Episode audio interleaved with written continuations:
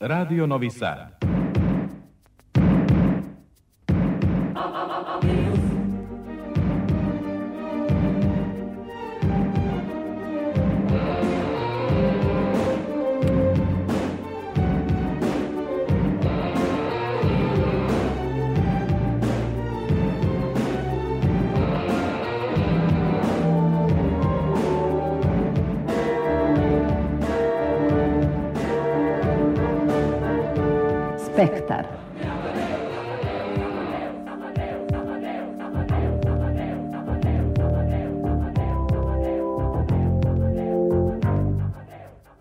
Spektar.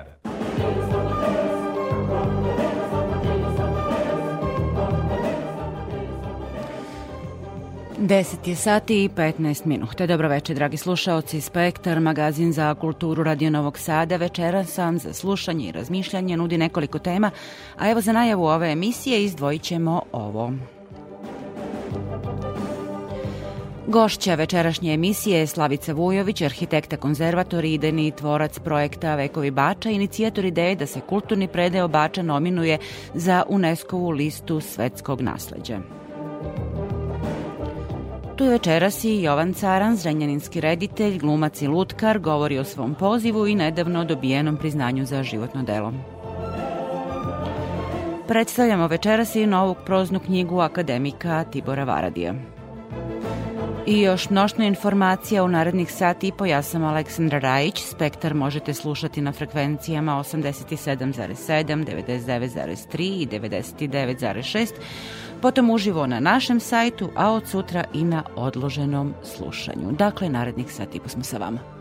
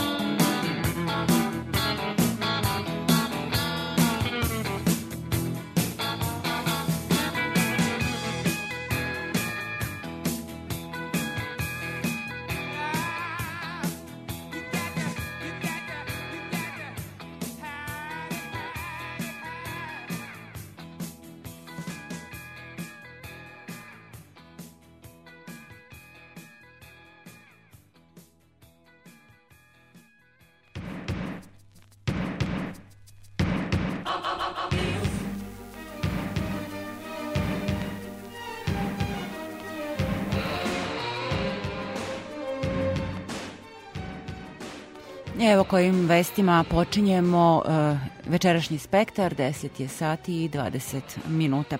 Žiri za dodelu Zmajeve nagrade Matice Srpske u kom su bili Jovan Delić, Ivan Egrišorac, Želi Dragnikčević, uh, e, Selimir Radulović i Đorđo Sladuje Jednoglasno je doneo odluku da ovo priznanje dodeli pesniku Miroslavu Aleksiću za knjigu Kafkino matursko odelo u izdanju Pravoslavne reči. Zmajeva nagrada Matice Srpske biće uručena na svečanosti 16. februara a 20. nagrada Radio Beograda 2 za najbolju knjigu u oblasti teorije književnosti i umetnosti, estetike i filozofije koje nosi ime Nikole Miloševića pripala je delu Agon i melankolija, život i delo Miloša Crnjanskog, profesorke Filozofskog fakulteta u Novom Sadu Gorane Raičević, a u izdanju akademske knjige iz Novog Sada. Nagrada Nikola Milošević biće uručena 9. februara na Dan Radio Beograda. Reditelj Nikita Mihalkov biće gost jubilarnog 50. festa koji će od 25. februara do 6. marta biti održan u 12 bioskopskih sala širom Beograda. Festival će otvoriti film Strahinja Banović Stefana Arsenijevića koji je imao svetsku premijeru na festivalu u Karlovi Varima gde je osvojio čak pet nagrada uključujući i Grand Prix Kristalni globus za najbolji film. Evo šta je za nas zabeležila novinarka Radio Beograda Ana Vučković-Denčić.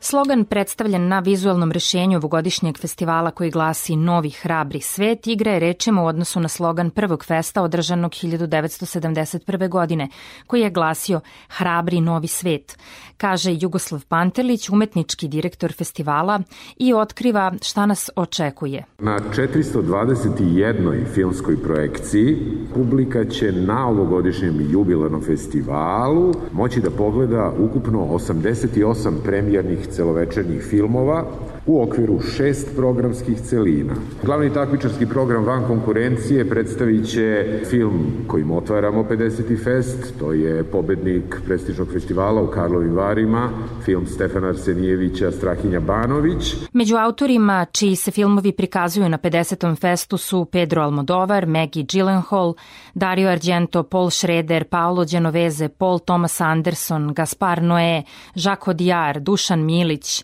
Nani Moreti, François Ozon, Miloš Pušić, braća Dinočenco, kao i sedam domaćih premijera – Nagrada Beogradski pobednik za izuzetan doprinos filmskoj umetnosti biće dodeljena našim istaknutim filmskim stvaraocima, reditelju Emiru Kusturici i glumcu Predragu Mikiju Manojloviću a u toku festivala očekuju nas važni događaji, kaže gradski sekretar za kulturu Ivan Karl. Tokom festa ćemo imati promociju nastavka edicije Festivik 50 koju priprema biblioteka grada Beograda i to su knjige o Dinku Tucakoviću koju je napisao i priredio Milan Nikodijević, knjiga o Nebojši Đukiliću koju je pripremila Maja Medić, i drugo izdanje Gorana Gocića knjige o Emiru Kusturici koji je i počasni beogradski pobednik ove godine. Zatvaranje 50. festa biće obeleženo koncertom Simfonijskog orkestra RTS-a koji će izvoditi muziku iz čuvenih filmskih hitova kao što su Ratovi zvezda, Indiana Jones, Superman, Harry Potter i drugih koje je komponovao jedan od najvećih kompozitora filmske muzike našeg doba, John Williams. O tome govori Dragoslav Fredi Stanisavljević, izvršni direktor muzičke produkcije RTS. a Kinematografija i muzika pod ruku tako od osnivanja, odnosno od prvih dana, pa čak i od nemog filma su zajedno. Kada se pomene John Williams, verovatno Zenja Morikonea, najveći filmski stvaralac, 90. rođendan, 70. i više godina umetničkog opusa. Simfonijski orkestar Radio Televizije Srbije jedan poseban premium program aranžmana čuvenih hitova Johna Williamsa koji će biti premijerno izvedeni na ovogodišnjem zatvaranju našeg jubilarnog festa. Ulaznice za fest prodaju se od 4. februara.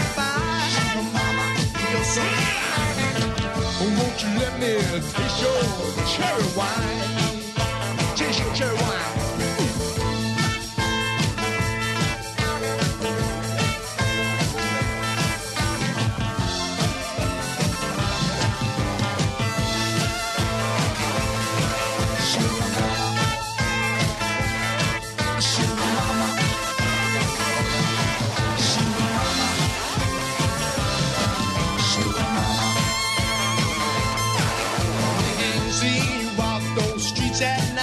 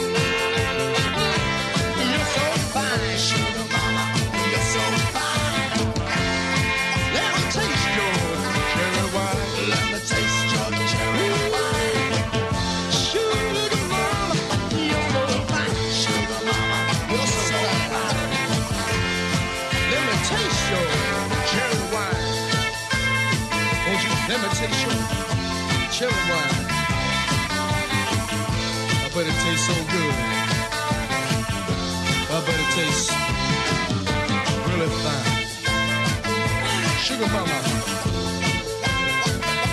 Sugar mama, bring on down to the end. sugar, mama. So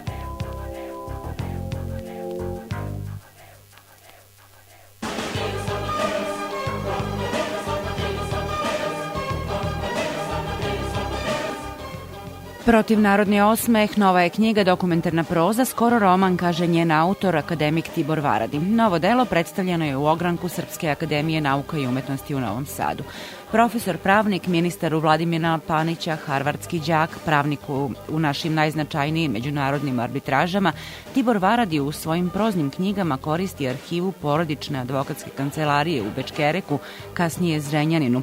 Prve beletrističke tekstove objavljivao je još 60-ih u časopisu Uj Simpozion. Objavio je 15 proznih knjiga na mađarskom, srpskom, nemačkom i engleskom jeziku. U knjizi Protivnarodni osmeh literarizuje posleratne sudske sporove i svakodnevnu istoriju malih ljudi. Varadi je licem okrenut prema malom čoveku, onom kog istorija nije ni primetila, rekao je u Platoneumu akademik profesor Milivoj Nenin. Varadi uzima sudske predmete iz porodične advokatske kancelarije i to koristi kao zamajac u svojoj prividno dokumentarnoj antimemoarskoj prozi. Ova knjiga je zapravo nastavak knjige Put u juče. Sve što sam uočio u toj knjizi postoji i u ovoj. Priča o malom čoveku, borba za preživljavanje, istorija koja melje malog čoveka, traženje izvornog značenja reči, osjećaj za detalj, digresije Tibora Varadija od puta u detinstvo do poređenja sa Amerikom, pa Varadijeva svetla ironija. Mislim da je takvu ironiju u srpskoj književnosti jedino imao profesor Svetozar Petrović. Te početak svakog teksta kao izvesno oživljavanje dokumenta. Prirodno postoji razlike. Ključna razlika je borba za čast. U knjizi Put u juče to su bili dvoboji, a u ovoj koja je pred nama čast se traži na sudu. Naravno, proverio je to Varadi, danas su sudski procesi skupi, pa se za čast više niko ne bori. Postojalo je, verovatno još postoji, veće časti u statutu društva književnika Vojvodine, ali se to čitalo kao da veće dreši kesu i časti. Priznajem da sam se ogrešio samog sebe. Puštam čitaoca u sobstveni tekst i pokazujem kakve sam sve greške pravio. Prvo sam u želji da budem originalan krenuo direktno sa tvrdnjom da je najbolji tekst o Varadiju objavio Miloš Crnjanski u Novosadskom jedinstvu 1919. godine. Branio sam se tezom šta je stotina godina u literaturi. Setio sam se i druga iz Loka koji od nadmudrivanju sa komšijama Mađarima kaže i tako ja njima u gužvi ukradem 300 godina, Naslov tog teksta Miloša Crnjanskog je Vaspitanje i revolucije. Pod vaspitanjem Crnjanski podrazumeva sav i svaki rad na zemlji. Pokazao je Crnjanski šta sve ide uz revoluciju. Pokušajte ipak da čitate taj tekst kao prikaz ove Varadijeve knjige. A branio je rad i domaćin iz Loka koji je o revolucionarima rekao samo jednu rečenicu. Niko od njih pre rata nije imao slamu u dvorištu. Ali moram reći šta je Crnjanski čitao pre te 1919. godine. Jednostavno više je znao od svojih savremenika. A čitao je ono što je Gorki pisao Leninu. No, onda sam morao pomenuti i onog kome je Crnjanski poklonio tu knjigu Maksima Gorkog, koju je, koju je u Zagreb donao iz Beča. A tada sam se prebacio na tog drugog pisca, Ivo Andrića, koji je tu knjigu prikazao, ali koji je posle drugog svetskog rata objavio neku priču, nešto o dedinom dnevniku. Naravno da sam se setio da se Varadi ne odvaja od dedinog dnevnika dok piše. Prvi je preko izmišljenog dedinog dnevnika sačuvao život, a Varadi preko dedinog dnevnika rešava nedomice. Možda bi preciznije bilo reći poštapa se dedinim dnevnikom.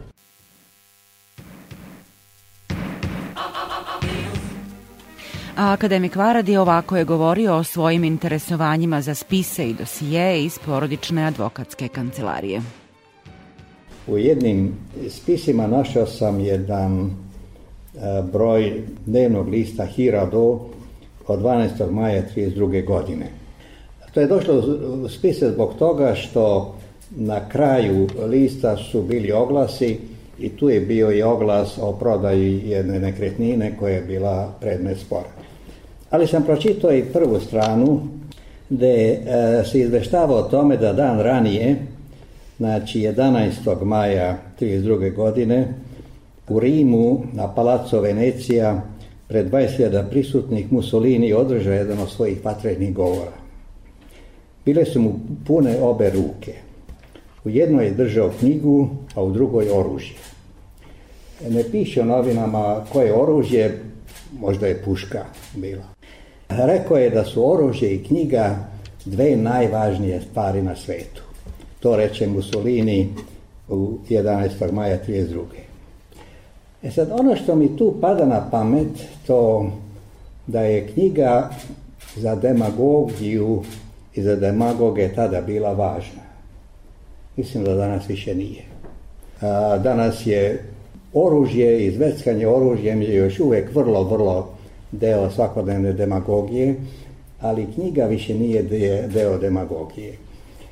E sad, to može biti signal u više pravaca, ali ja bih to pokušao da satim po signalu u pravcu da možda knjiga, ako nije više u rukama demagoga, ali možda bi mogla da bude u rukama normalnih ljudi i to bi bila možda čak i jedna šansa za, za, za knjigu.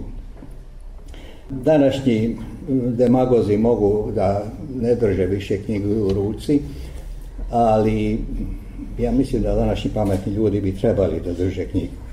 Ono što ja vidim u spisima koji su ovdje e, posebno predmet u ovoj knjizi protiv narodni osmeh, to su spisi uglavnom iz prvih godina e, posle rata.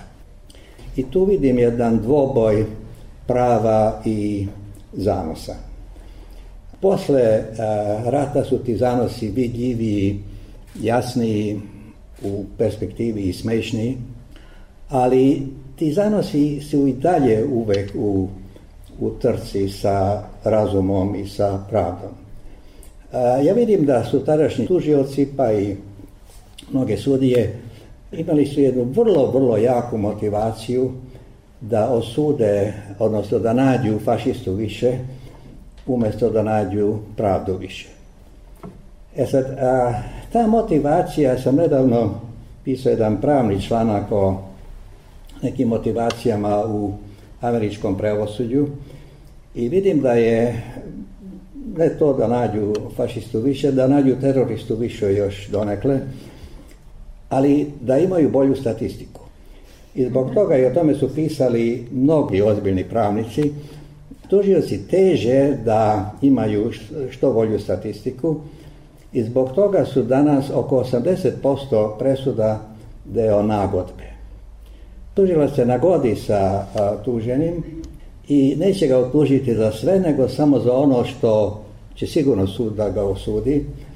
Ponekad i za ono što nije učinio, ali pošto nema advokata ne može da se brani, I onda ga tužilac tuži za nešto teže, pa onda on prihvati ovo manje. I ako je optužen tačno za to što je na kraju sud utvrdio, onda je to statistički poen za tužioca. E sad, te motivacije, um, ovde je statistika, ovo što ja osjećam, to je da se nađe uh, fašista više. I onda dolazimo do absurdnih situacija, u situacija u kojima je Branko Đurić e, optužen da je u svom dvorištu držao krmače fašističkog porekla. E sad, krmače fašističkog porekla zbog toga što su tada u Banatu došlo je do konfiskacije nemačke imovine, koji što reče kolega Nenin, mnogi su odnošeni u Kničanin, i onda su neki Nemci koji ništa nisu posebno dobro ili loše uradili do vreme rata, dali su a, deo svoje imovine komšijama, Srbima, Mađarima, Slovacima i tako. I Branko Đurić, nesretnik, je bio optužen da je držao neke krmače nemačko komšije, pa je onda tužila to da bi ipak to došlo u sferu politike, rekao da su to krmače fašističkog porekla. Ili Anta Alpeli koji je optužen zato da je namerno pomagao vojni kapacitet Hitlerove armije. Kako je to Antal uradio, i e, on je, ako se dobro sećam, iz Mokrina, tako da je u e, jednoj sobi e, prijateljice njegovog prijatelja držao mlin za papriku i mleo je papriku i za vreme nemačke okupacije bile su naredbe da se nekim nemačkim preduzimačima prodaje paprike. Tužilac je utvrdio da je poznato da paprika sadrži vitamin, prema tome na taj način je Antal e, povećao vojni kapacitet Hitlerove armije. Sad ovo što tu čovjek osjeti, to je jedan, a, e, eto, nagon da se sledi jedan zanos, treba da pobedimo fašizam, lakše ćemo biti junaci ako a, da imamo pobedu više, Pa onda, aj, evo i najsretni Branko Đurić e, se vezuje za fašizam zato što drži krmače fašističkog porekla, a Antal a, eto, diže Hitler u armiju zato što prodaje papriku i Nemcima. E sad, to je a, danas a, ti obraci a, su jako vidljivi i jednom sam rekao da e, ti spisi moji Eh, otac je na tragičan način preminuo u kancelariji od jednog moždanog udara u 86. godini i nekoliko mjeseci pre toga je 5-6 hiljada spisa odneo u jednu garažu jer je mislio da su ti spisi zanimljivi. I ti spisi su bili u toj garaži više decenija. Ja sam uvek znao da je to nešto važno, ali imao sam jednu pravničke svakodnevnice, tako da nisam mogao da signem tu. Ali ono što sad vidim da ti spisi zapravo, dok su sedeli tamo, ležali u garaži, nisu bili neaktivni. E, ti spisi su se pretvorili u književnost. I eto, to je sada za mene jedna posebna, posebna šansa i tu šansu nastojim da koristim i, i ovoj knjizi i ako Bog da, e, te ovih da nastavimo.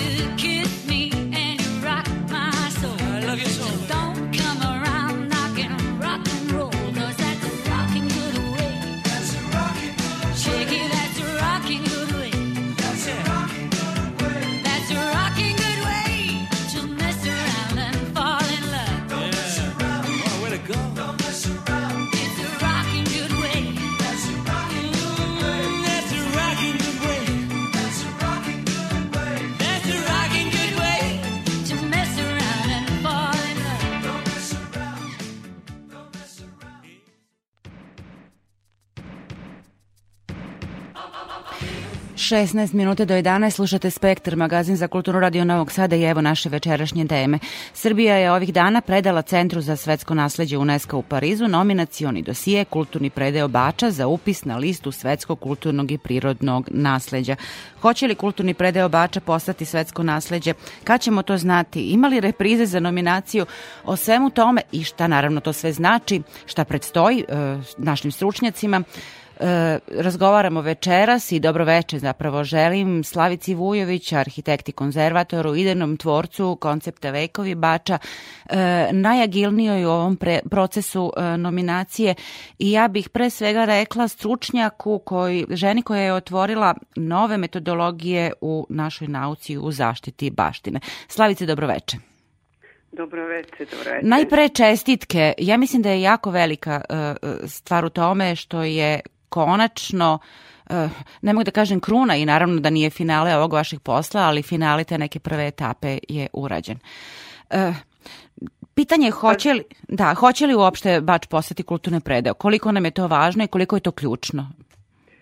Pa znate šta, mi smo uložili ovaj e, značajan trud verujući da upravo nudimo nešto što jeste svetska baština. Ne postoji garancija nikome ko preda ovaj nominacioni dosije, a ceo svet želi da bude deo te velike porodice a, svetskog nasleđa i niko nikome ne garantuje s tim što ovaj e, svi se trude, postoje vrlo jasna pravila po kojima se to radi, znači te smernice UNESCO-a po kome se pripremaju e, dosije ono što e, smo uradili kod Bača, pored toga što je taj osnovni dosije, negde skoro 400 stranica, gde, su, gde postoji devet poglavlja propisanih. Pored toga, mi smo uradili kompletan management plan koji je sada obavezujući zato što UNESCO želi da bude siguran da su da postoje ovaj e, da postoji način da se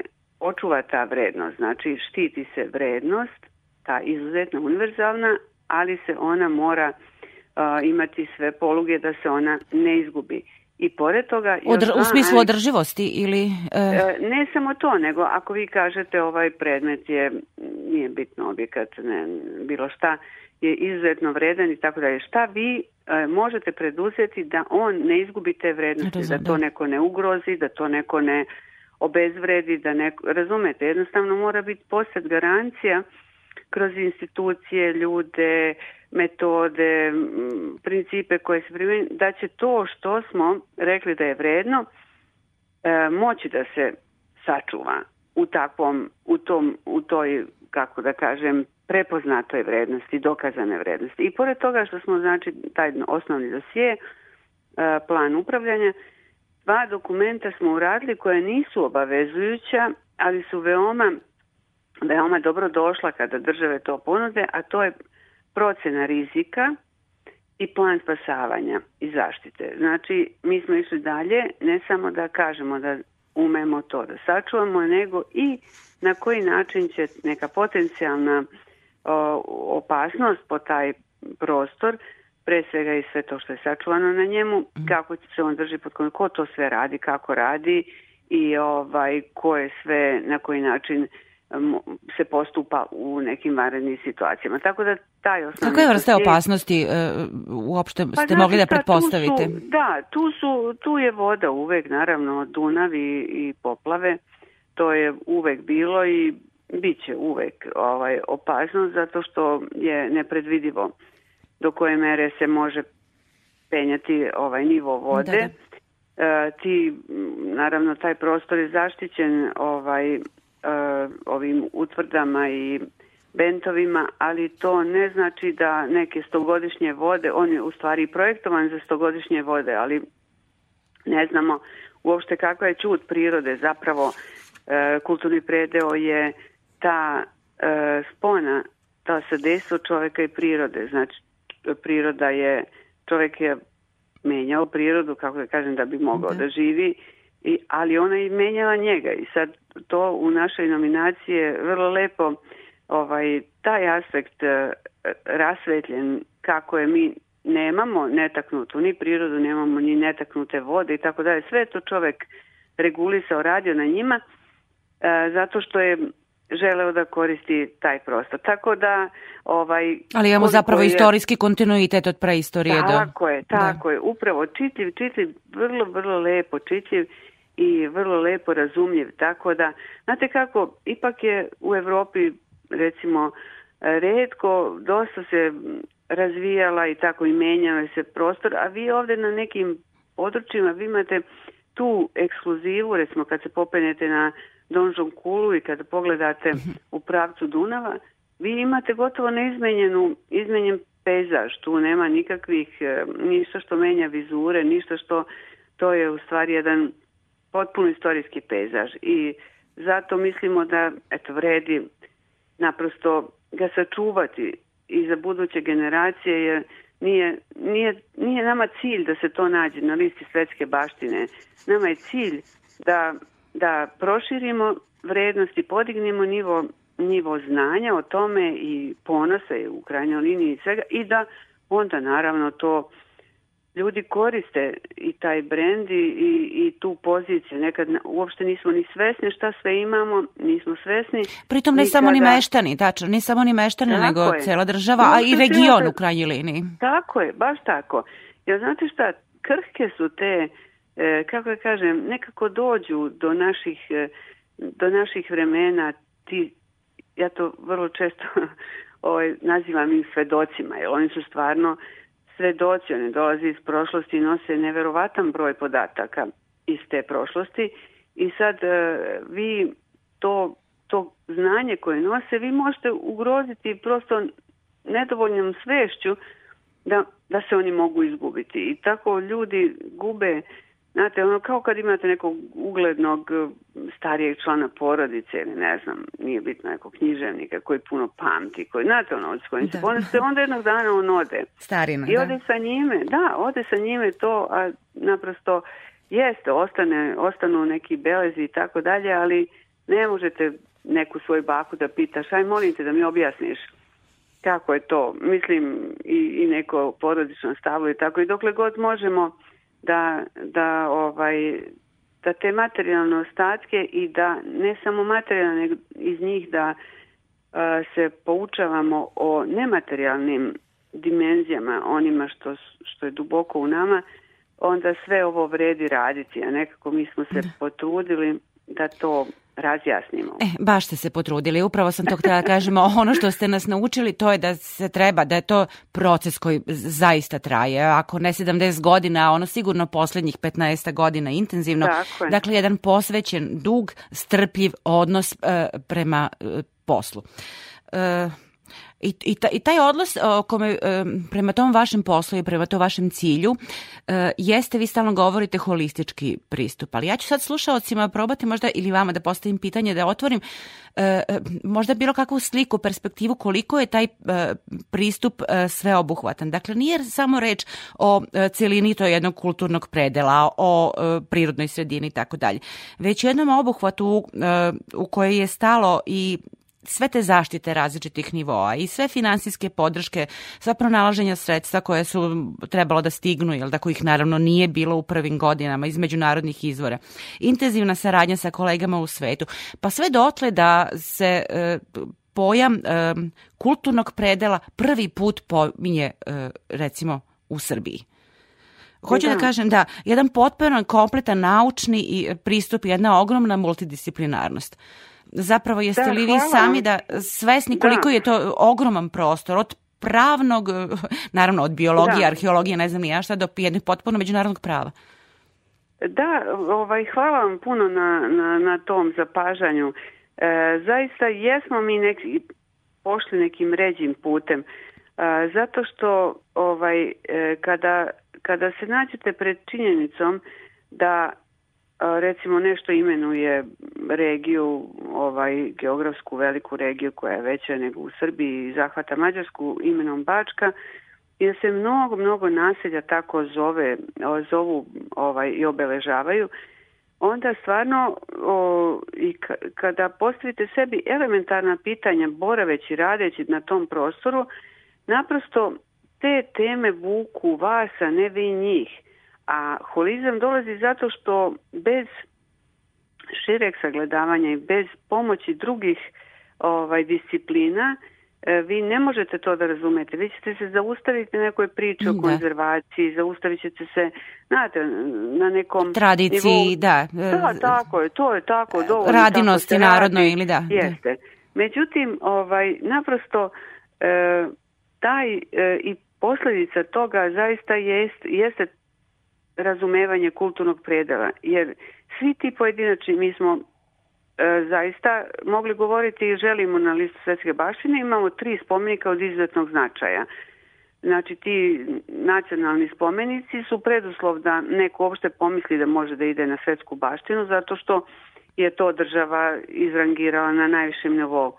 Ali, kada stavite prst na čelo pa kažete a čekaj, na, u 15 km su ta tri spomenika, oni svedoče nešto, pa onda arheologija koja je slojevita, pa onda gustina svega toga na malom prostoru, pa onda fenomeni i onda to jednostavno stalno vas vuče da, da širite saznanje i da tražite odgovor, jer to su neprestana pitanja.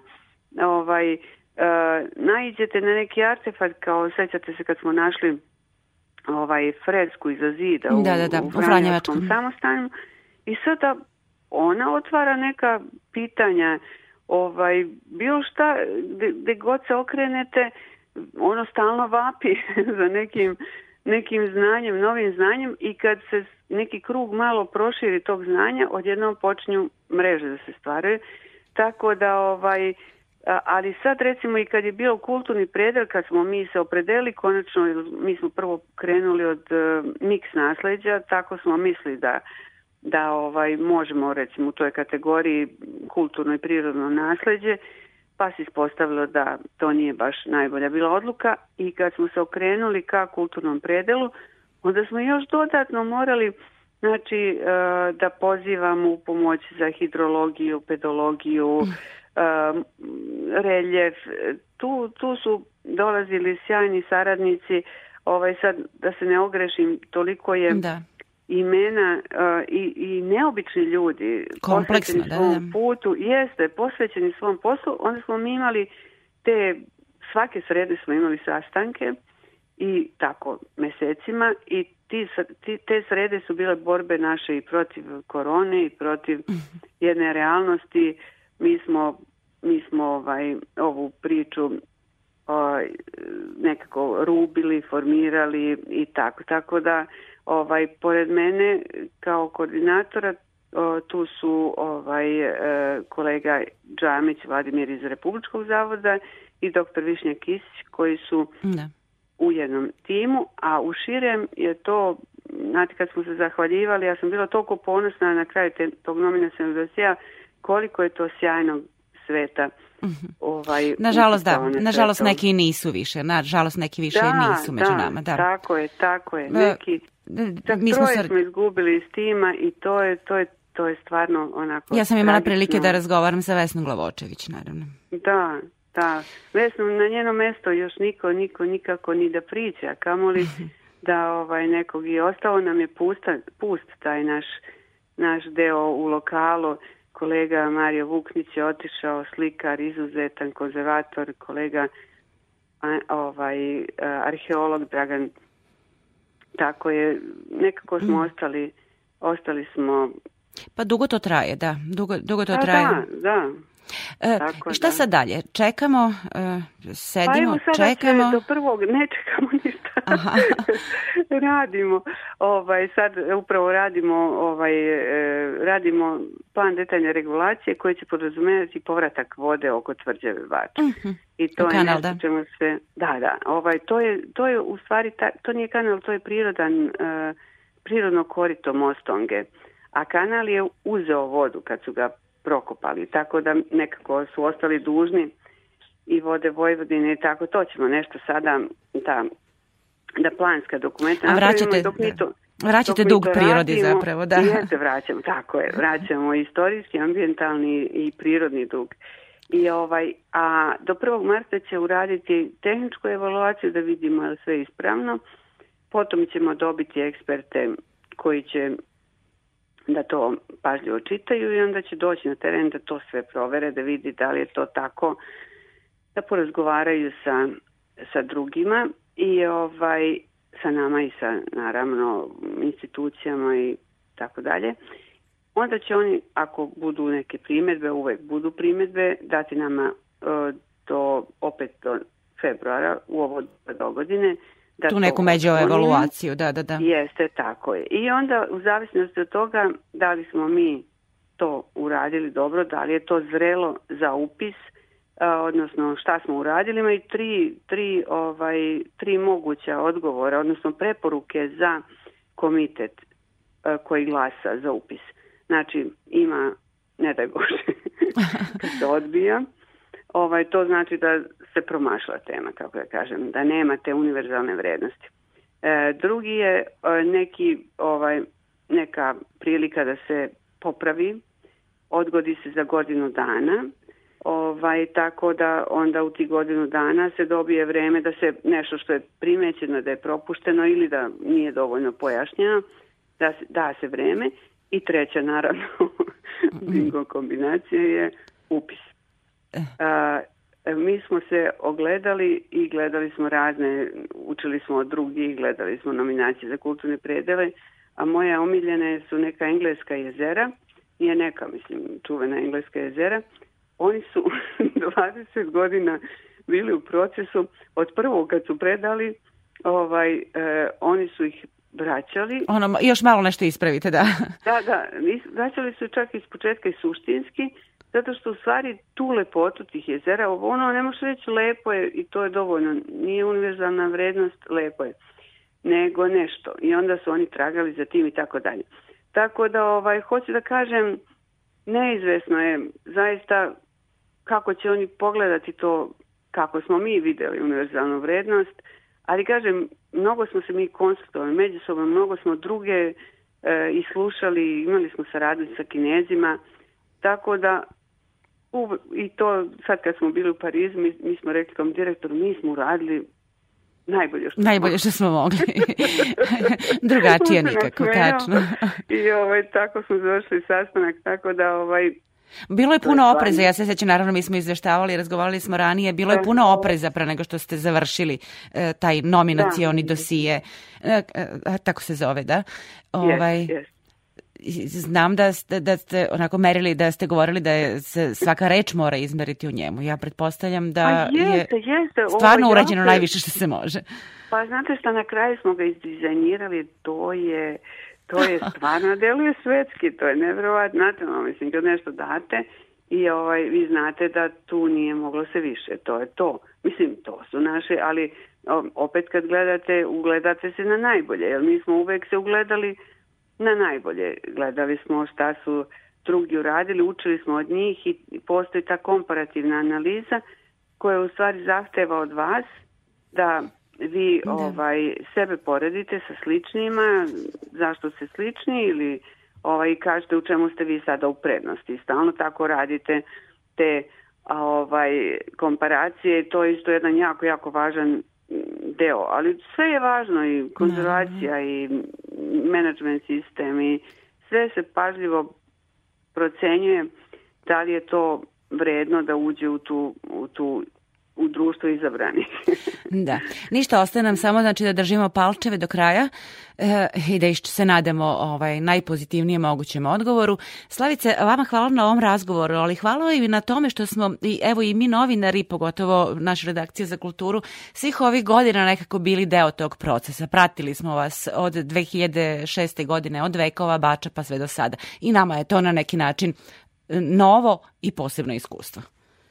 Hvala vama beskrajno, zato što zajedno, mislim, ne možemo ništa sami, a puno znači podrška medija i ja sam zaista vama zahvalna što ste uporni u tome i evo i večeras su privilegije da možemo slušaocima da ipak ispričamo ovo nešto što je aktuelno i što što je svima nama važno, čini mi se. Ni, hvala vam još jedan put. Evo, poštovani slušalci, da, moja sagovornica bila je Slavica Vujović, arhitekta, konzervator i ideni tvorac koncepta Vekovi bače i...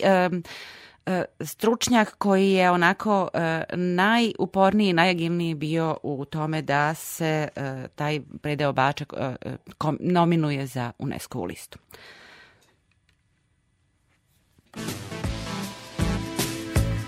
Alo? Slavice?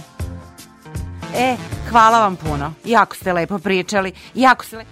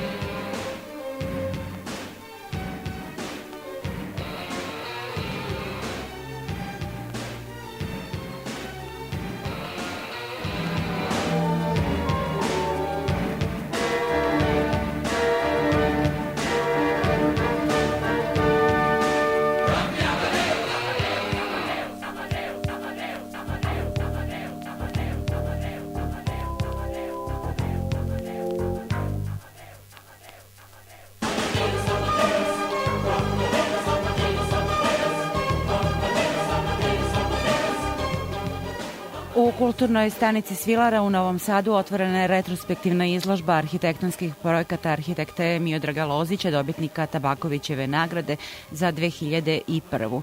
Novosadsko graditeljstvo obeležio je svojim najpoznatijim zdanjima, domovima penzionera na Limanu i Novom naselju i zgradom nekadašnjeg zavoda za osiguranje Vojvodina u Železničkoj ulici. Arhitektonski je najzanimljivija Lozićeva zgrada u Železničkoj, kaže kustos izložbe Aleksandar Bede. Nama je najzanimljivija definitivno zgrada Zavoda za osiguranje Vojvodina, danas DDO u Železničkoj ulici. Danas se dosta priča o tom e, modernističkom brutalizmu, što bi značilo zgrade koje su urađene u sirovom betonu u potpunosti, što se tiče izgleda, a zapravo ne, toga nema nemam baš toliko u Novom Sadu reprezentativnog, a ovo je, ja mislim, najreprezentativnija zgrada tog modernističkog nekog e, brutalizma sa veoma jasnim autorskim pečetom, znači nije to bilo kakav modernizam, to su neke gotovo organske forme na toj zgradi DDR-a e, i ona je definitivno vrhunac njegove karijere. E, šta se može reći o funkcionalnosti Lozićeve arhitekture? Jeste li imali prilike uoči izložbe da prođete kroz ta zdanja, da ih na neki način bolje sagledate i šta da zaključite? Dobro, ti objekti uglavnom nisu pristupačni tek tako za, za posetioca, ali iz projekata, iz planova, iz razgovora sa arhitektom Lozićem smo imali prilike da dosta čujemo o tome koliko se on zapravo udobljivao i specializovao upravo za ljudi sa posebnim potrebama, za, pre svega za sve korisnike njegovih a, projekata, ali Govorim baš, o zdravstvenim domovima ali baš, radio. baš za te zdravstvene, znači za specifičnu populaciju u tim gerontološkim centrima, znači sa, sa njegovim stacionarima i sobama i apartmanima za ljude koji su često i u, i u kolicima. E, to je e, tih godina 70-ih, 80-ih definitivno bio neki vid pionirskog grada na uspostavljanju arhitektonskih standarda za e, upravo takve korisnike. A arhitekta Lozić je išao čak i korak dalje, on je bio u nekim međunarodnim telima Ujedinjenih nacija za za te standarde, za projektovanje, za ljude ne samo sa posebnim fizičkim, nego čak i mentalnim potrebama. U tom smislu on definitivno jeste pionir kod nas. Videli smo e, proteklih meseci da se, se na nekim njegovim zdanjima radile neke intervencije. Kako vi ocenjujete, imate li uvid u to da li je to rađeno u e, dogovoru sa e, arhitektom i uopšte kako održavati recimo njegovu, odnosno tu vrstu arhitekture u gradu? Ne, nažalost, jedan od penzionerskih domova je prošle godine da, na limanu ja bih rekao, uništen sa novom Demit fasadom, stiroprskom fasadom, očito bez ikakve konsultacije niti sa autorom, niti sa, sa društvom arhitekata i to je ne samo kršenje zakona o autorskom autorskim i srodnim pravima, nego i veliki korak nazad za, za arhitektonsko nasledđe Novog Sada, da je jedna javna e, institucija prosto ne povede domaćinski računa o, o, o svom zdanju u kom se nalazi. E, njegovo svakako najupečatljivije e, delo jeste e, zgrada osiguravajućeg društva. Šta danas o njoj možemo reći? Kako se uklopila u tu ulicu u kojoj su mahom stare zgrade iz početka 20. veka, odnosno zgrade 19. nekog neoklasicističkog stila, ja mislim. Da, ona je zanimljiva iz tih više urbanističkih aspekata Eh, pod broj 1 da, ona kontrastira okruženju, ali sa druge strane upravo možda zahvaljujući tim nekim organskim formama, nego inače se mnogo bolje uklopila u stari niz železničke ulice. Ja mislim da e, i novoseđeni koji su generalno protiv tog modernizma najmanje primedbi imaju upravo na, na tu zgradu, ali ona je zanimljiva i zbog tog tunela i veze sa, sa ulicom Vase Stajića iza, iza nje, što je isto bio predlog arhitekte Lozića. Evo sad razmišljam na pamet da li imamo još jedan primer tunela u gradu ili to jedini. Cela ulica da prolazi kroz gradu sa, sa kolskim prolazom. To je urbanistički značaj te zgrade. Ta zgrada nije prepreka između železničke i ulice Vasa Stajić, nego ih povezuje na, na veoma jedinstven način i za automobile i za pešake. Srha rada arhitekta je zadovoljenje korisnika, kaže u svom intervjuu za portal Gradnja arhitekta Miodrag Lozić. Pored stambenih, poslovnih, hotelskih zgrada, industrijskih postrojenja, evo čuli smo projektovao i specifična zdanja zdravstvene i socijalne zaštite.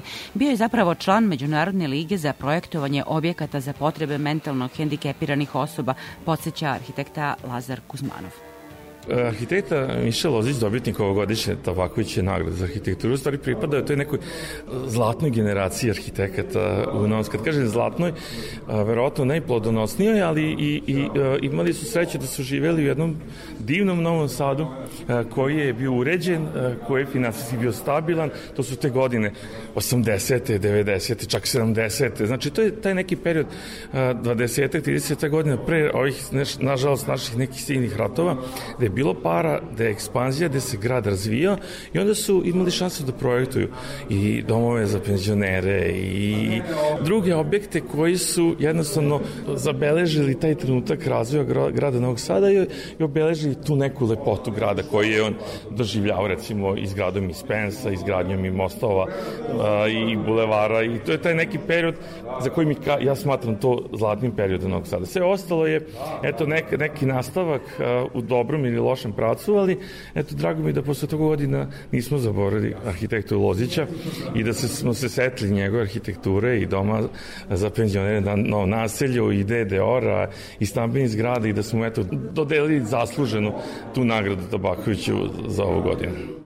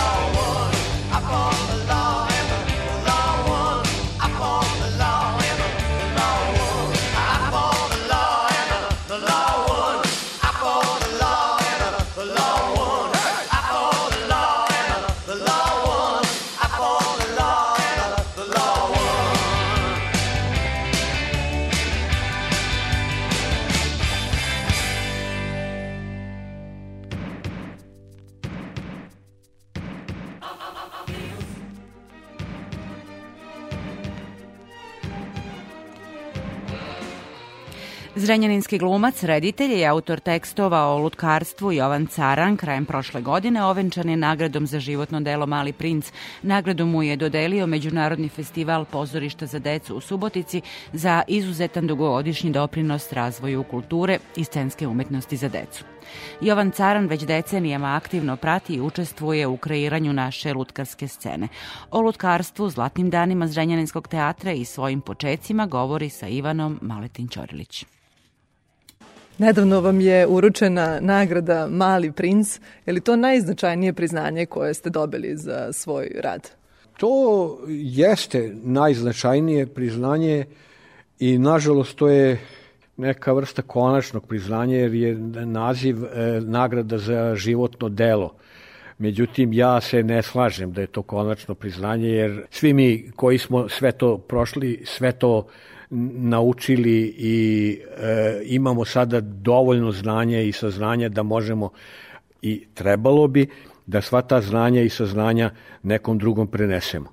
I ja se, evo, trudim sad to da, da uradim e, neke radionice, pravim lutke, pravim, pišem nove tekstove, pišem i uslovno rečeno naučne radove. U stvari moglo bi da se preciznije kaže da su to neki eseji o bajkama, o prirodi bajke, o prirodi našeg posla.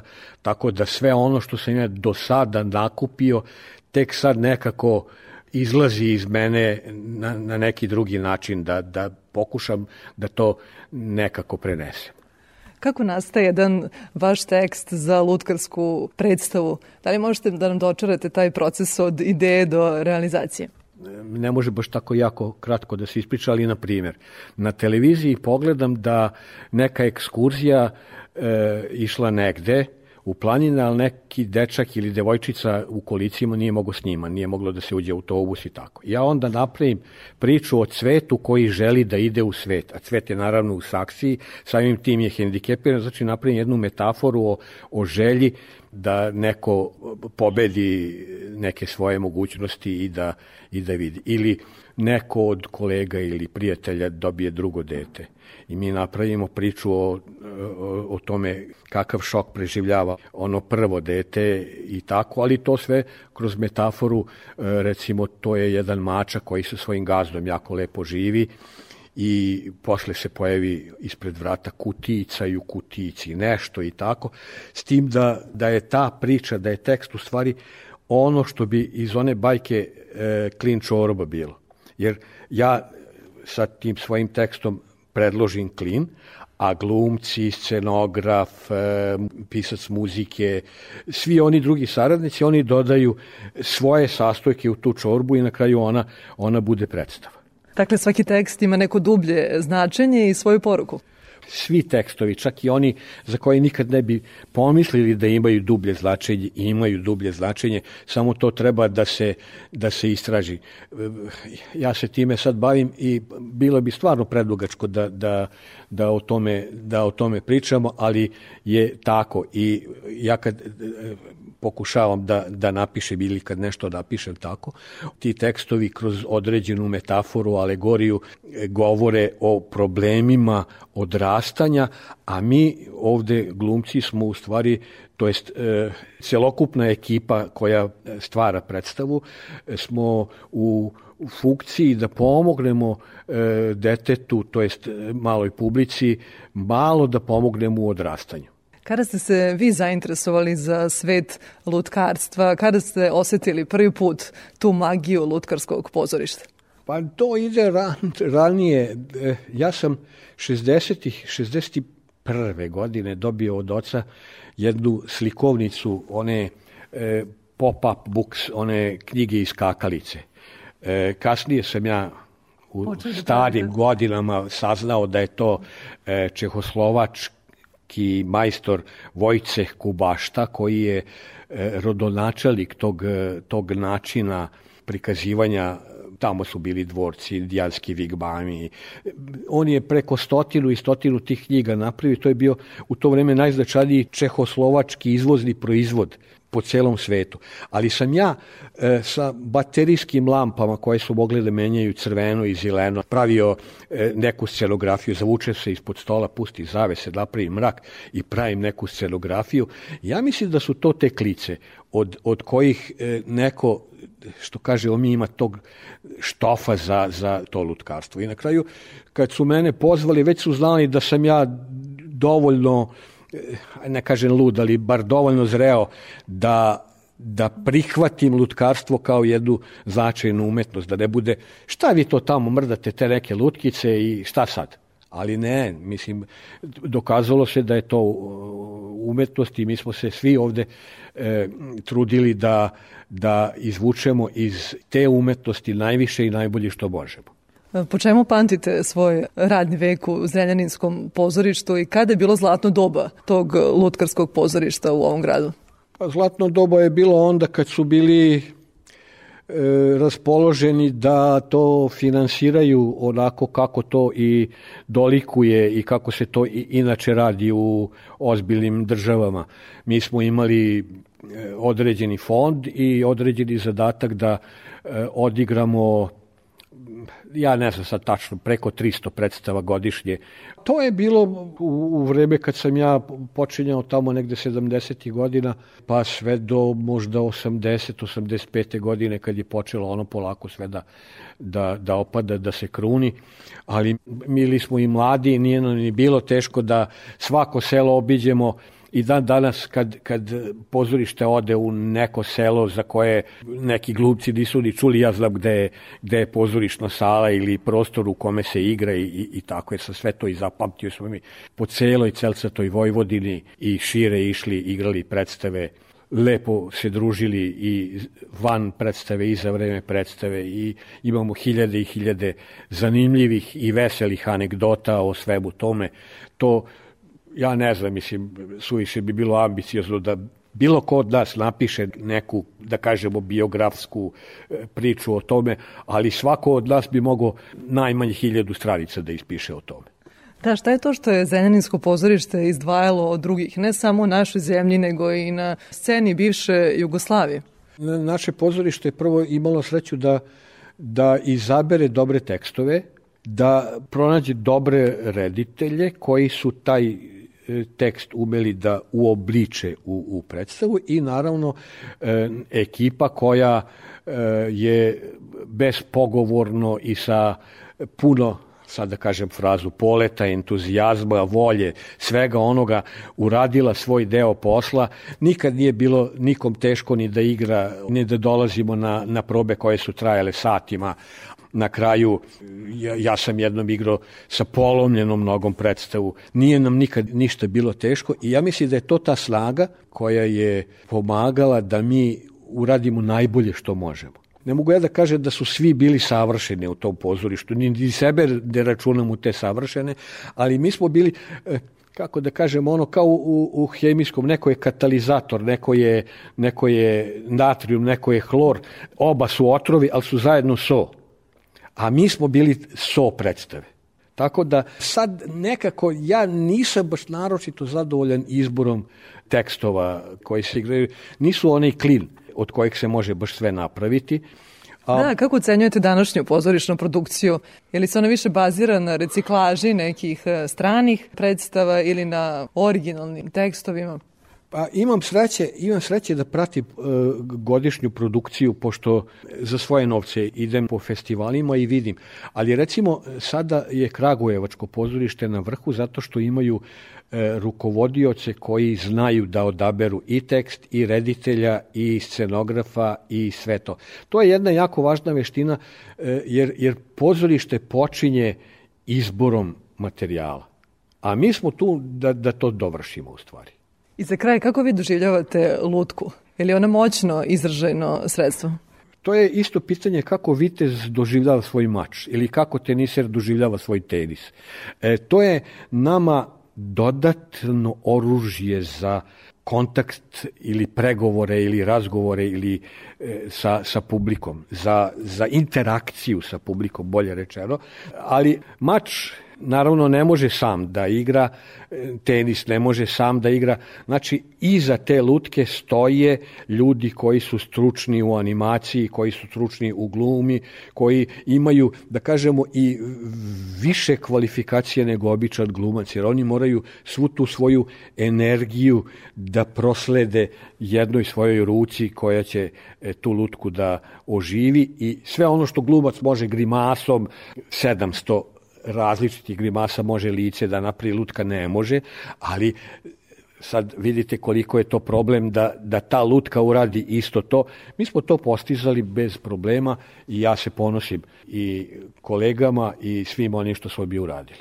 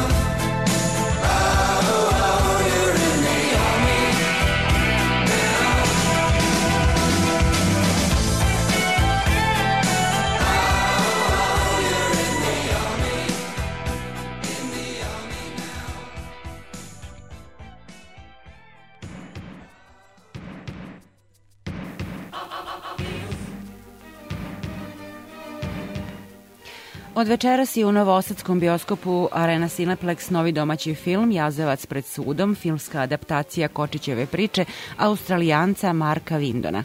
Ema Gojković je glumica u ovom neobičnom filmu snimljenom samo za dva dana, ali i tako reći ko scenarista.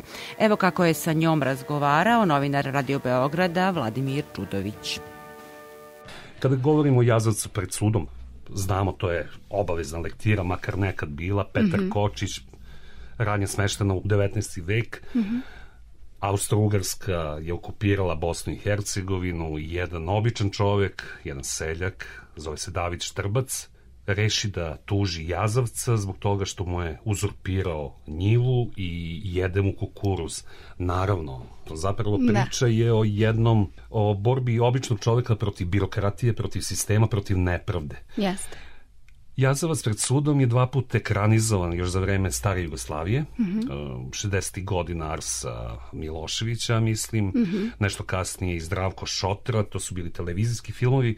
Ono što je zanimljivo da je nova verzija Jazavca pred sudom, da je rediteljski potpisuje jedan čovek koji nije naš čovek, koji je australijanac, Mark je. Windon. Yes. E sada ja pretpostavljam da su i tebi i kolegama iz filma svi novinari dosadili sa uvodnim pitanjem kako jedan australijanac koji ne govori naš jezik, koliko znam, ja za vas pred sudom teško da je preveden i da se čita da. na engleskom govornom da, području. Da, da.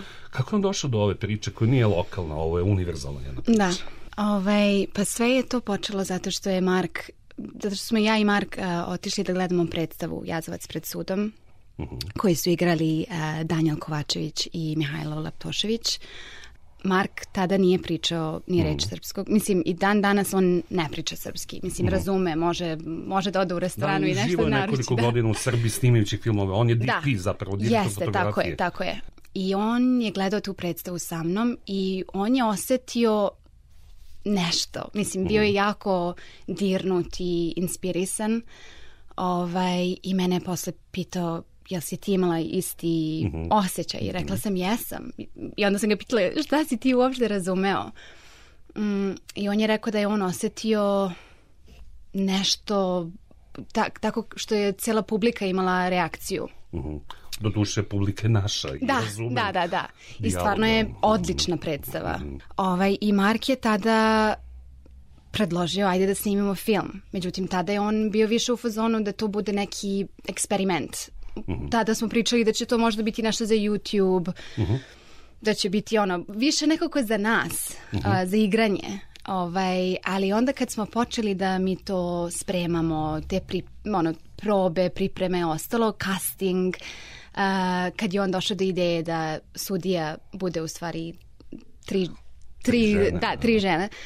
To je sve polako, samo postalo još veće i veće. I mhm. onda je on rekao, ipak snimamo ceo film, ono, potpuno menjamo ideju i tako je to sve u stvari i počelo. Ono što je zanimljivo kada je snimanje filma u pitanju, da je ono trajalo 48 sati, pretpostavljam da su zato pripreme morale da budu jako teške, jako jako težak rad je morao Jeste. da se uloži u dužem vremenskom da. periodu da bi se film od skoro 90 minuta, 80 da. nešto minuta istero da. u 48 sati snimanja. Da, da, da. Mi smo imali uh, mesec dana pripreme Mhm.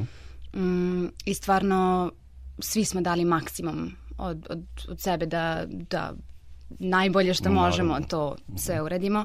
Ovaj, uvek je bio plan da se to snimi za par dana, mm. -hmm. ovaj, ali Isto zato što je to predstava i zato što je to bila, mi smo to sve snimili u uh, KPGT. To je jedna lokacija, tako tu, tu ne menja, ništa se tu ne menja oko gde smo, znaš, u tom smislu malo je lakše, ali svakako jeste bio ogroman izazov i nama da to snimimo za dva dana. Mm, prošle godine na festu zakasnio sam na ovaj početak mm -hmm. festove premijere prošle godine, kažem, pogledao sam poslednjih nekoliko minuta i ono što prvi utisak je naravno vizuelni. Taj prostor u kome se dešava i gde ste snimali je kao rođen za spotove post-industry bendova, recimo, taj uh, namerni fabrikovani minimalizam. Mm -hmm. Međutim, nije sve to ovaj, modern kostim, e, mhm. modern, mm -hmm. uh, modern rad kamere, moderno osvetljenje, uh, primenjena muzika koja ide, uh, vaš govor tela glumaca mm -hmm. u mhm. kadru uh, je sve osim filmovano pozorište, odnosno hoću da kažem da. prešli ste onaj četvrti zid, nije to pozorište da. snimano kamerom, ovo je zaista pravi film. I uz to ću reći da cela ta vizualna slika i zvuk i e, manir vaše igre daje utisak e, da je ovo neka kafkijanska priča, da je to mm. nešto što se dešava u nekoj distopiji, mm -hmm. antiutopiji zapravo. I da nije priča o običnom čoveku pred sudom u Austro-Ugarskoj smeštena da. vremenski previše od 100 godina, da to može se dešava i za 10 godina od sada. U Černobilu, recimo, snimano, mm -hmm. da bi isti isti utisak ostavljao kod publike. E, hajde ja da pomenem, e, osim Eme Gojković, e, uloge tumača između ostalih Danile Kovačević, Mihajlo Laptošević, oni ponavljaju svoje uloge Tako za prvi pozorišne da, predstave. Da. Tu su Vanja Nenadić, Tamara Radovanović, Saša Kuzmanović između ostalih. Uh mhm. -huh. Na scenariju je radila gospođica Ema Gojković i Danil Kovačević. Naravno, Danil Kovačević je mor prve, prvo da prilagodi tekst za predstavu, pa ste da. zajedno sa Markom Vindonom da. zapravo ovi dramatizaciju radili da. filmsku.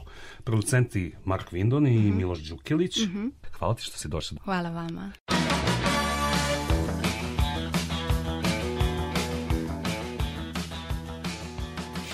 I to bi, poštovani slušaoci, bilo sve za večeras. Ako ste nešto čuli, saznali, ako vas je nešto potaklo na razmišljanje, pa biste to da utvrdite ili ako ste nešto propustili, Spektar je i na našem sajtu na odloženom slušanju.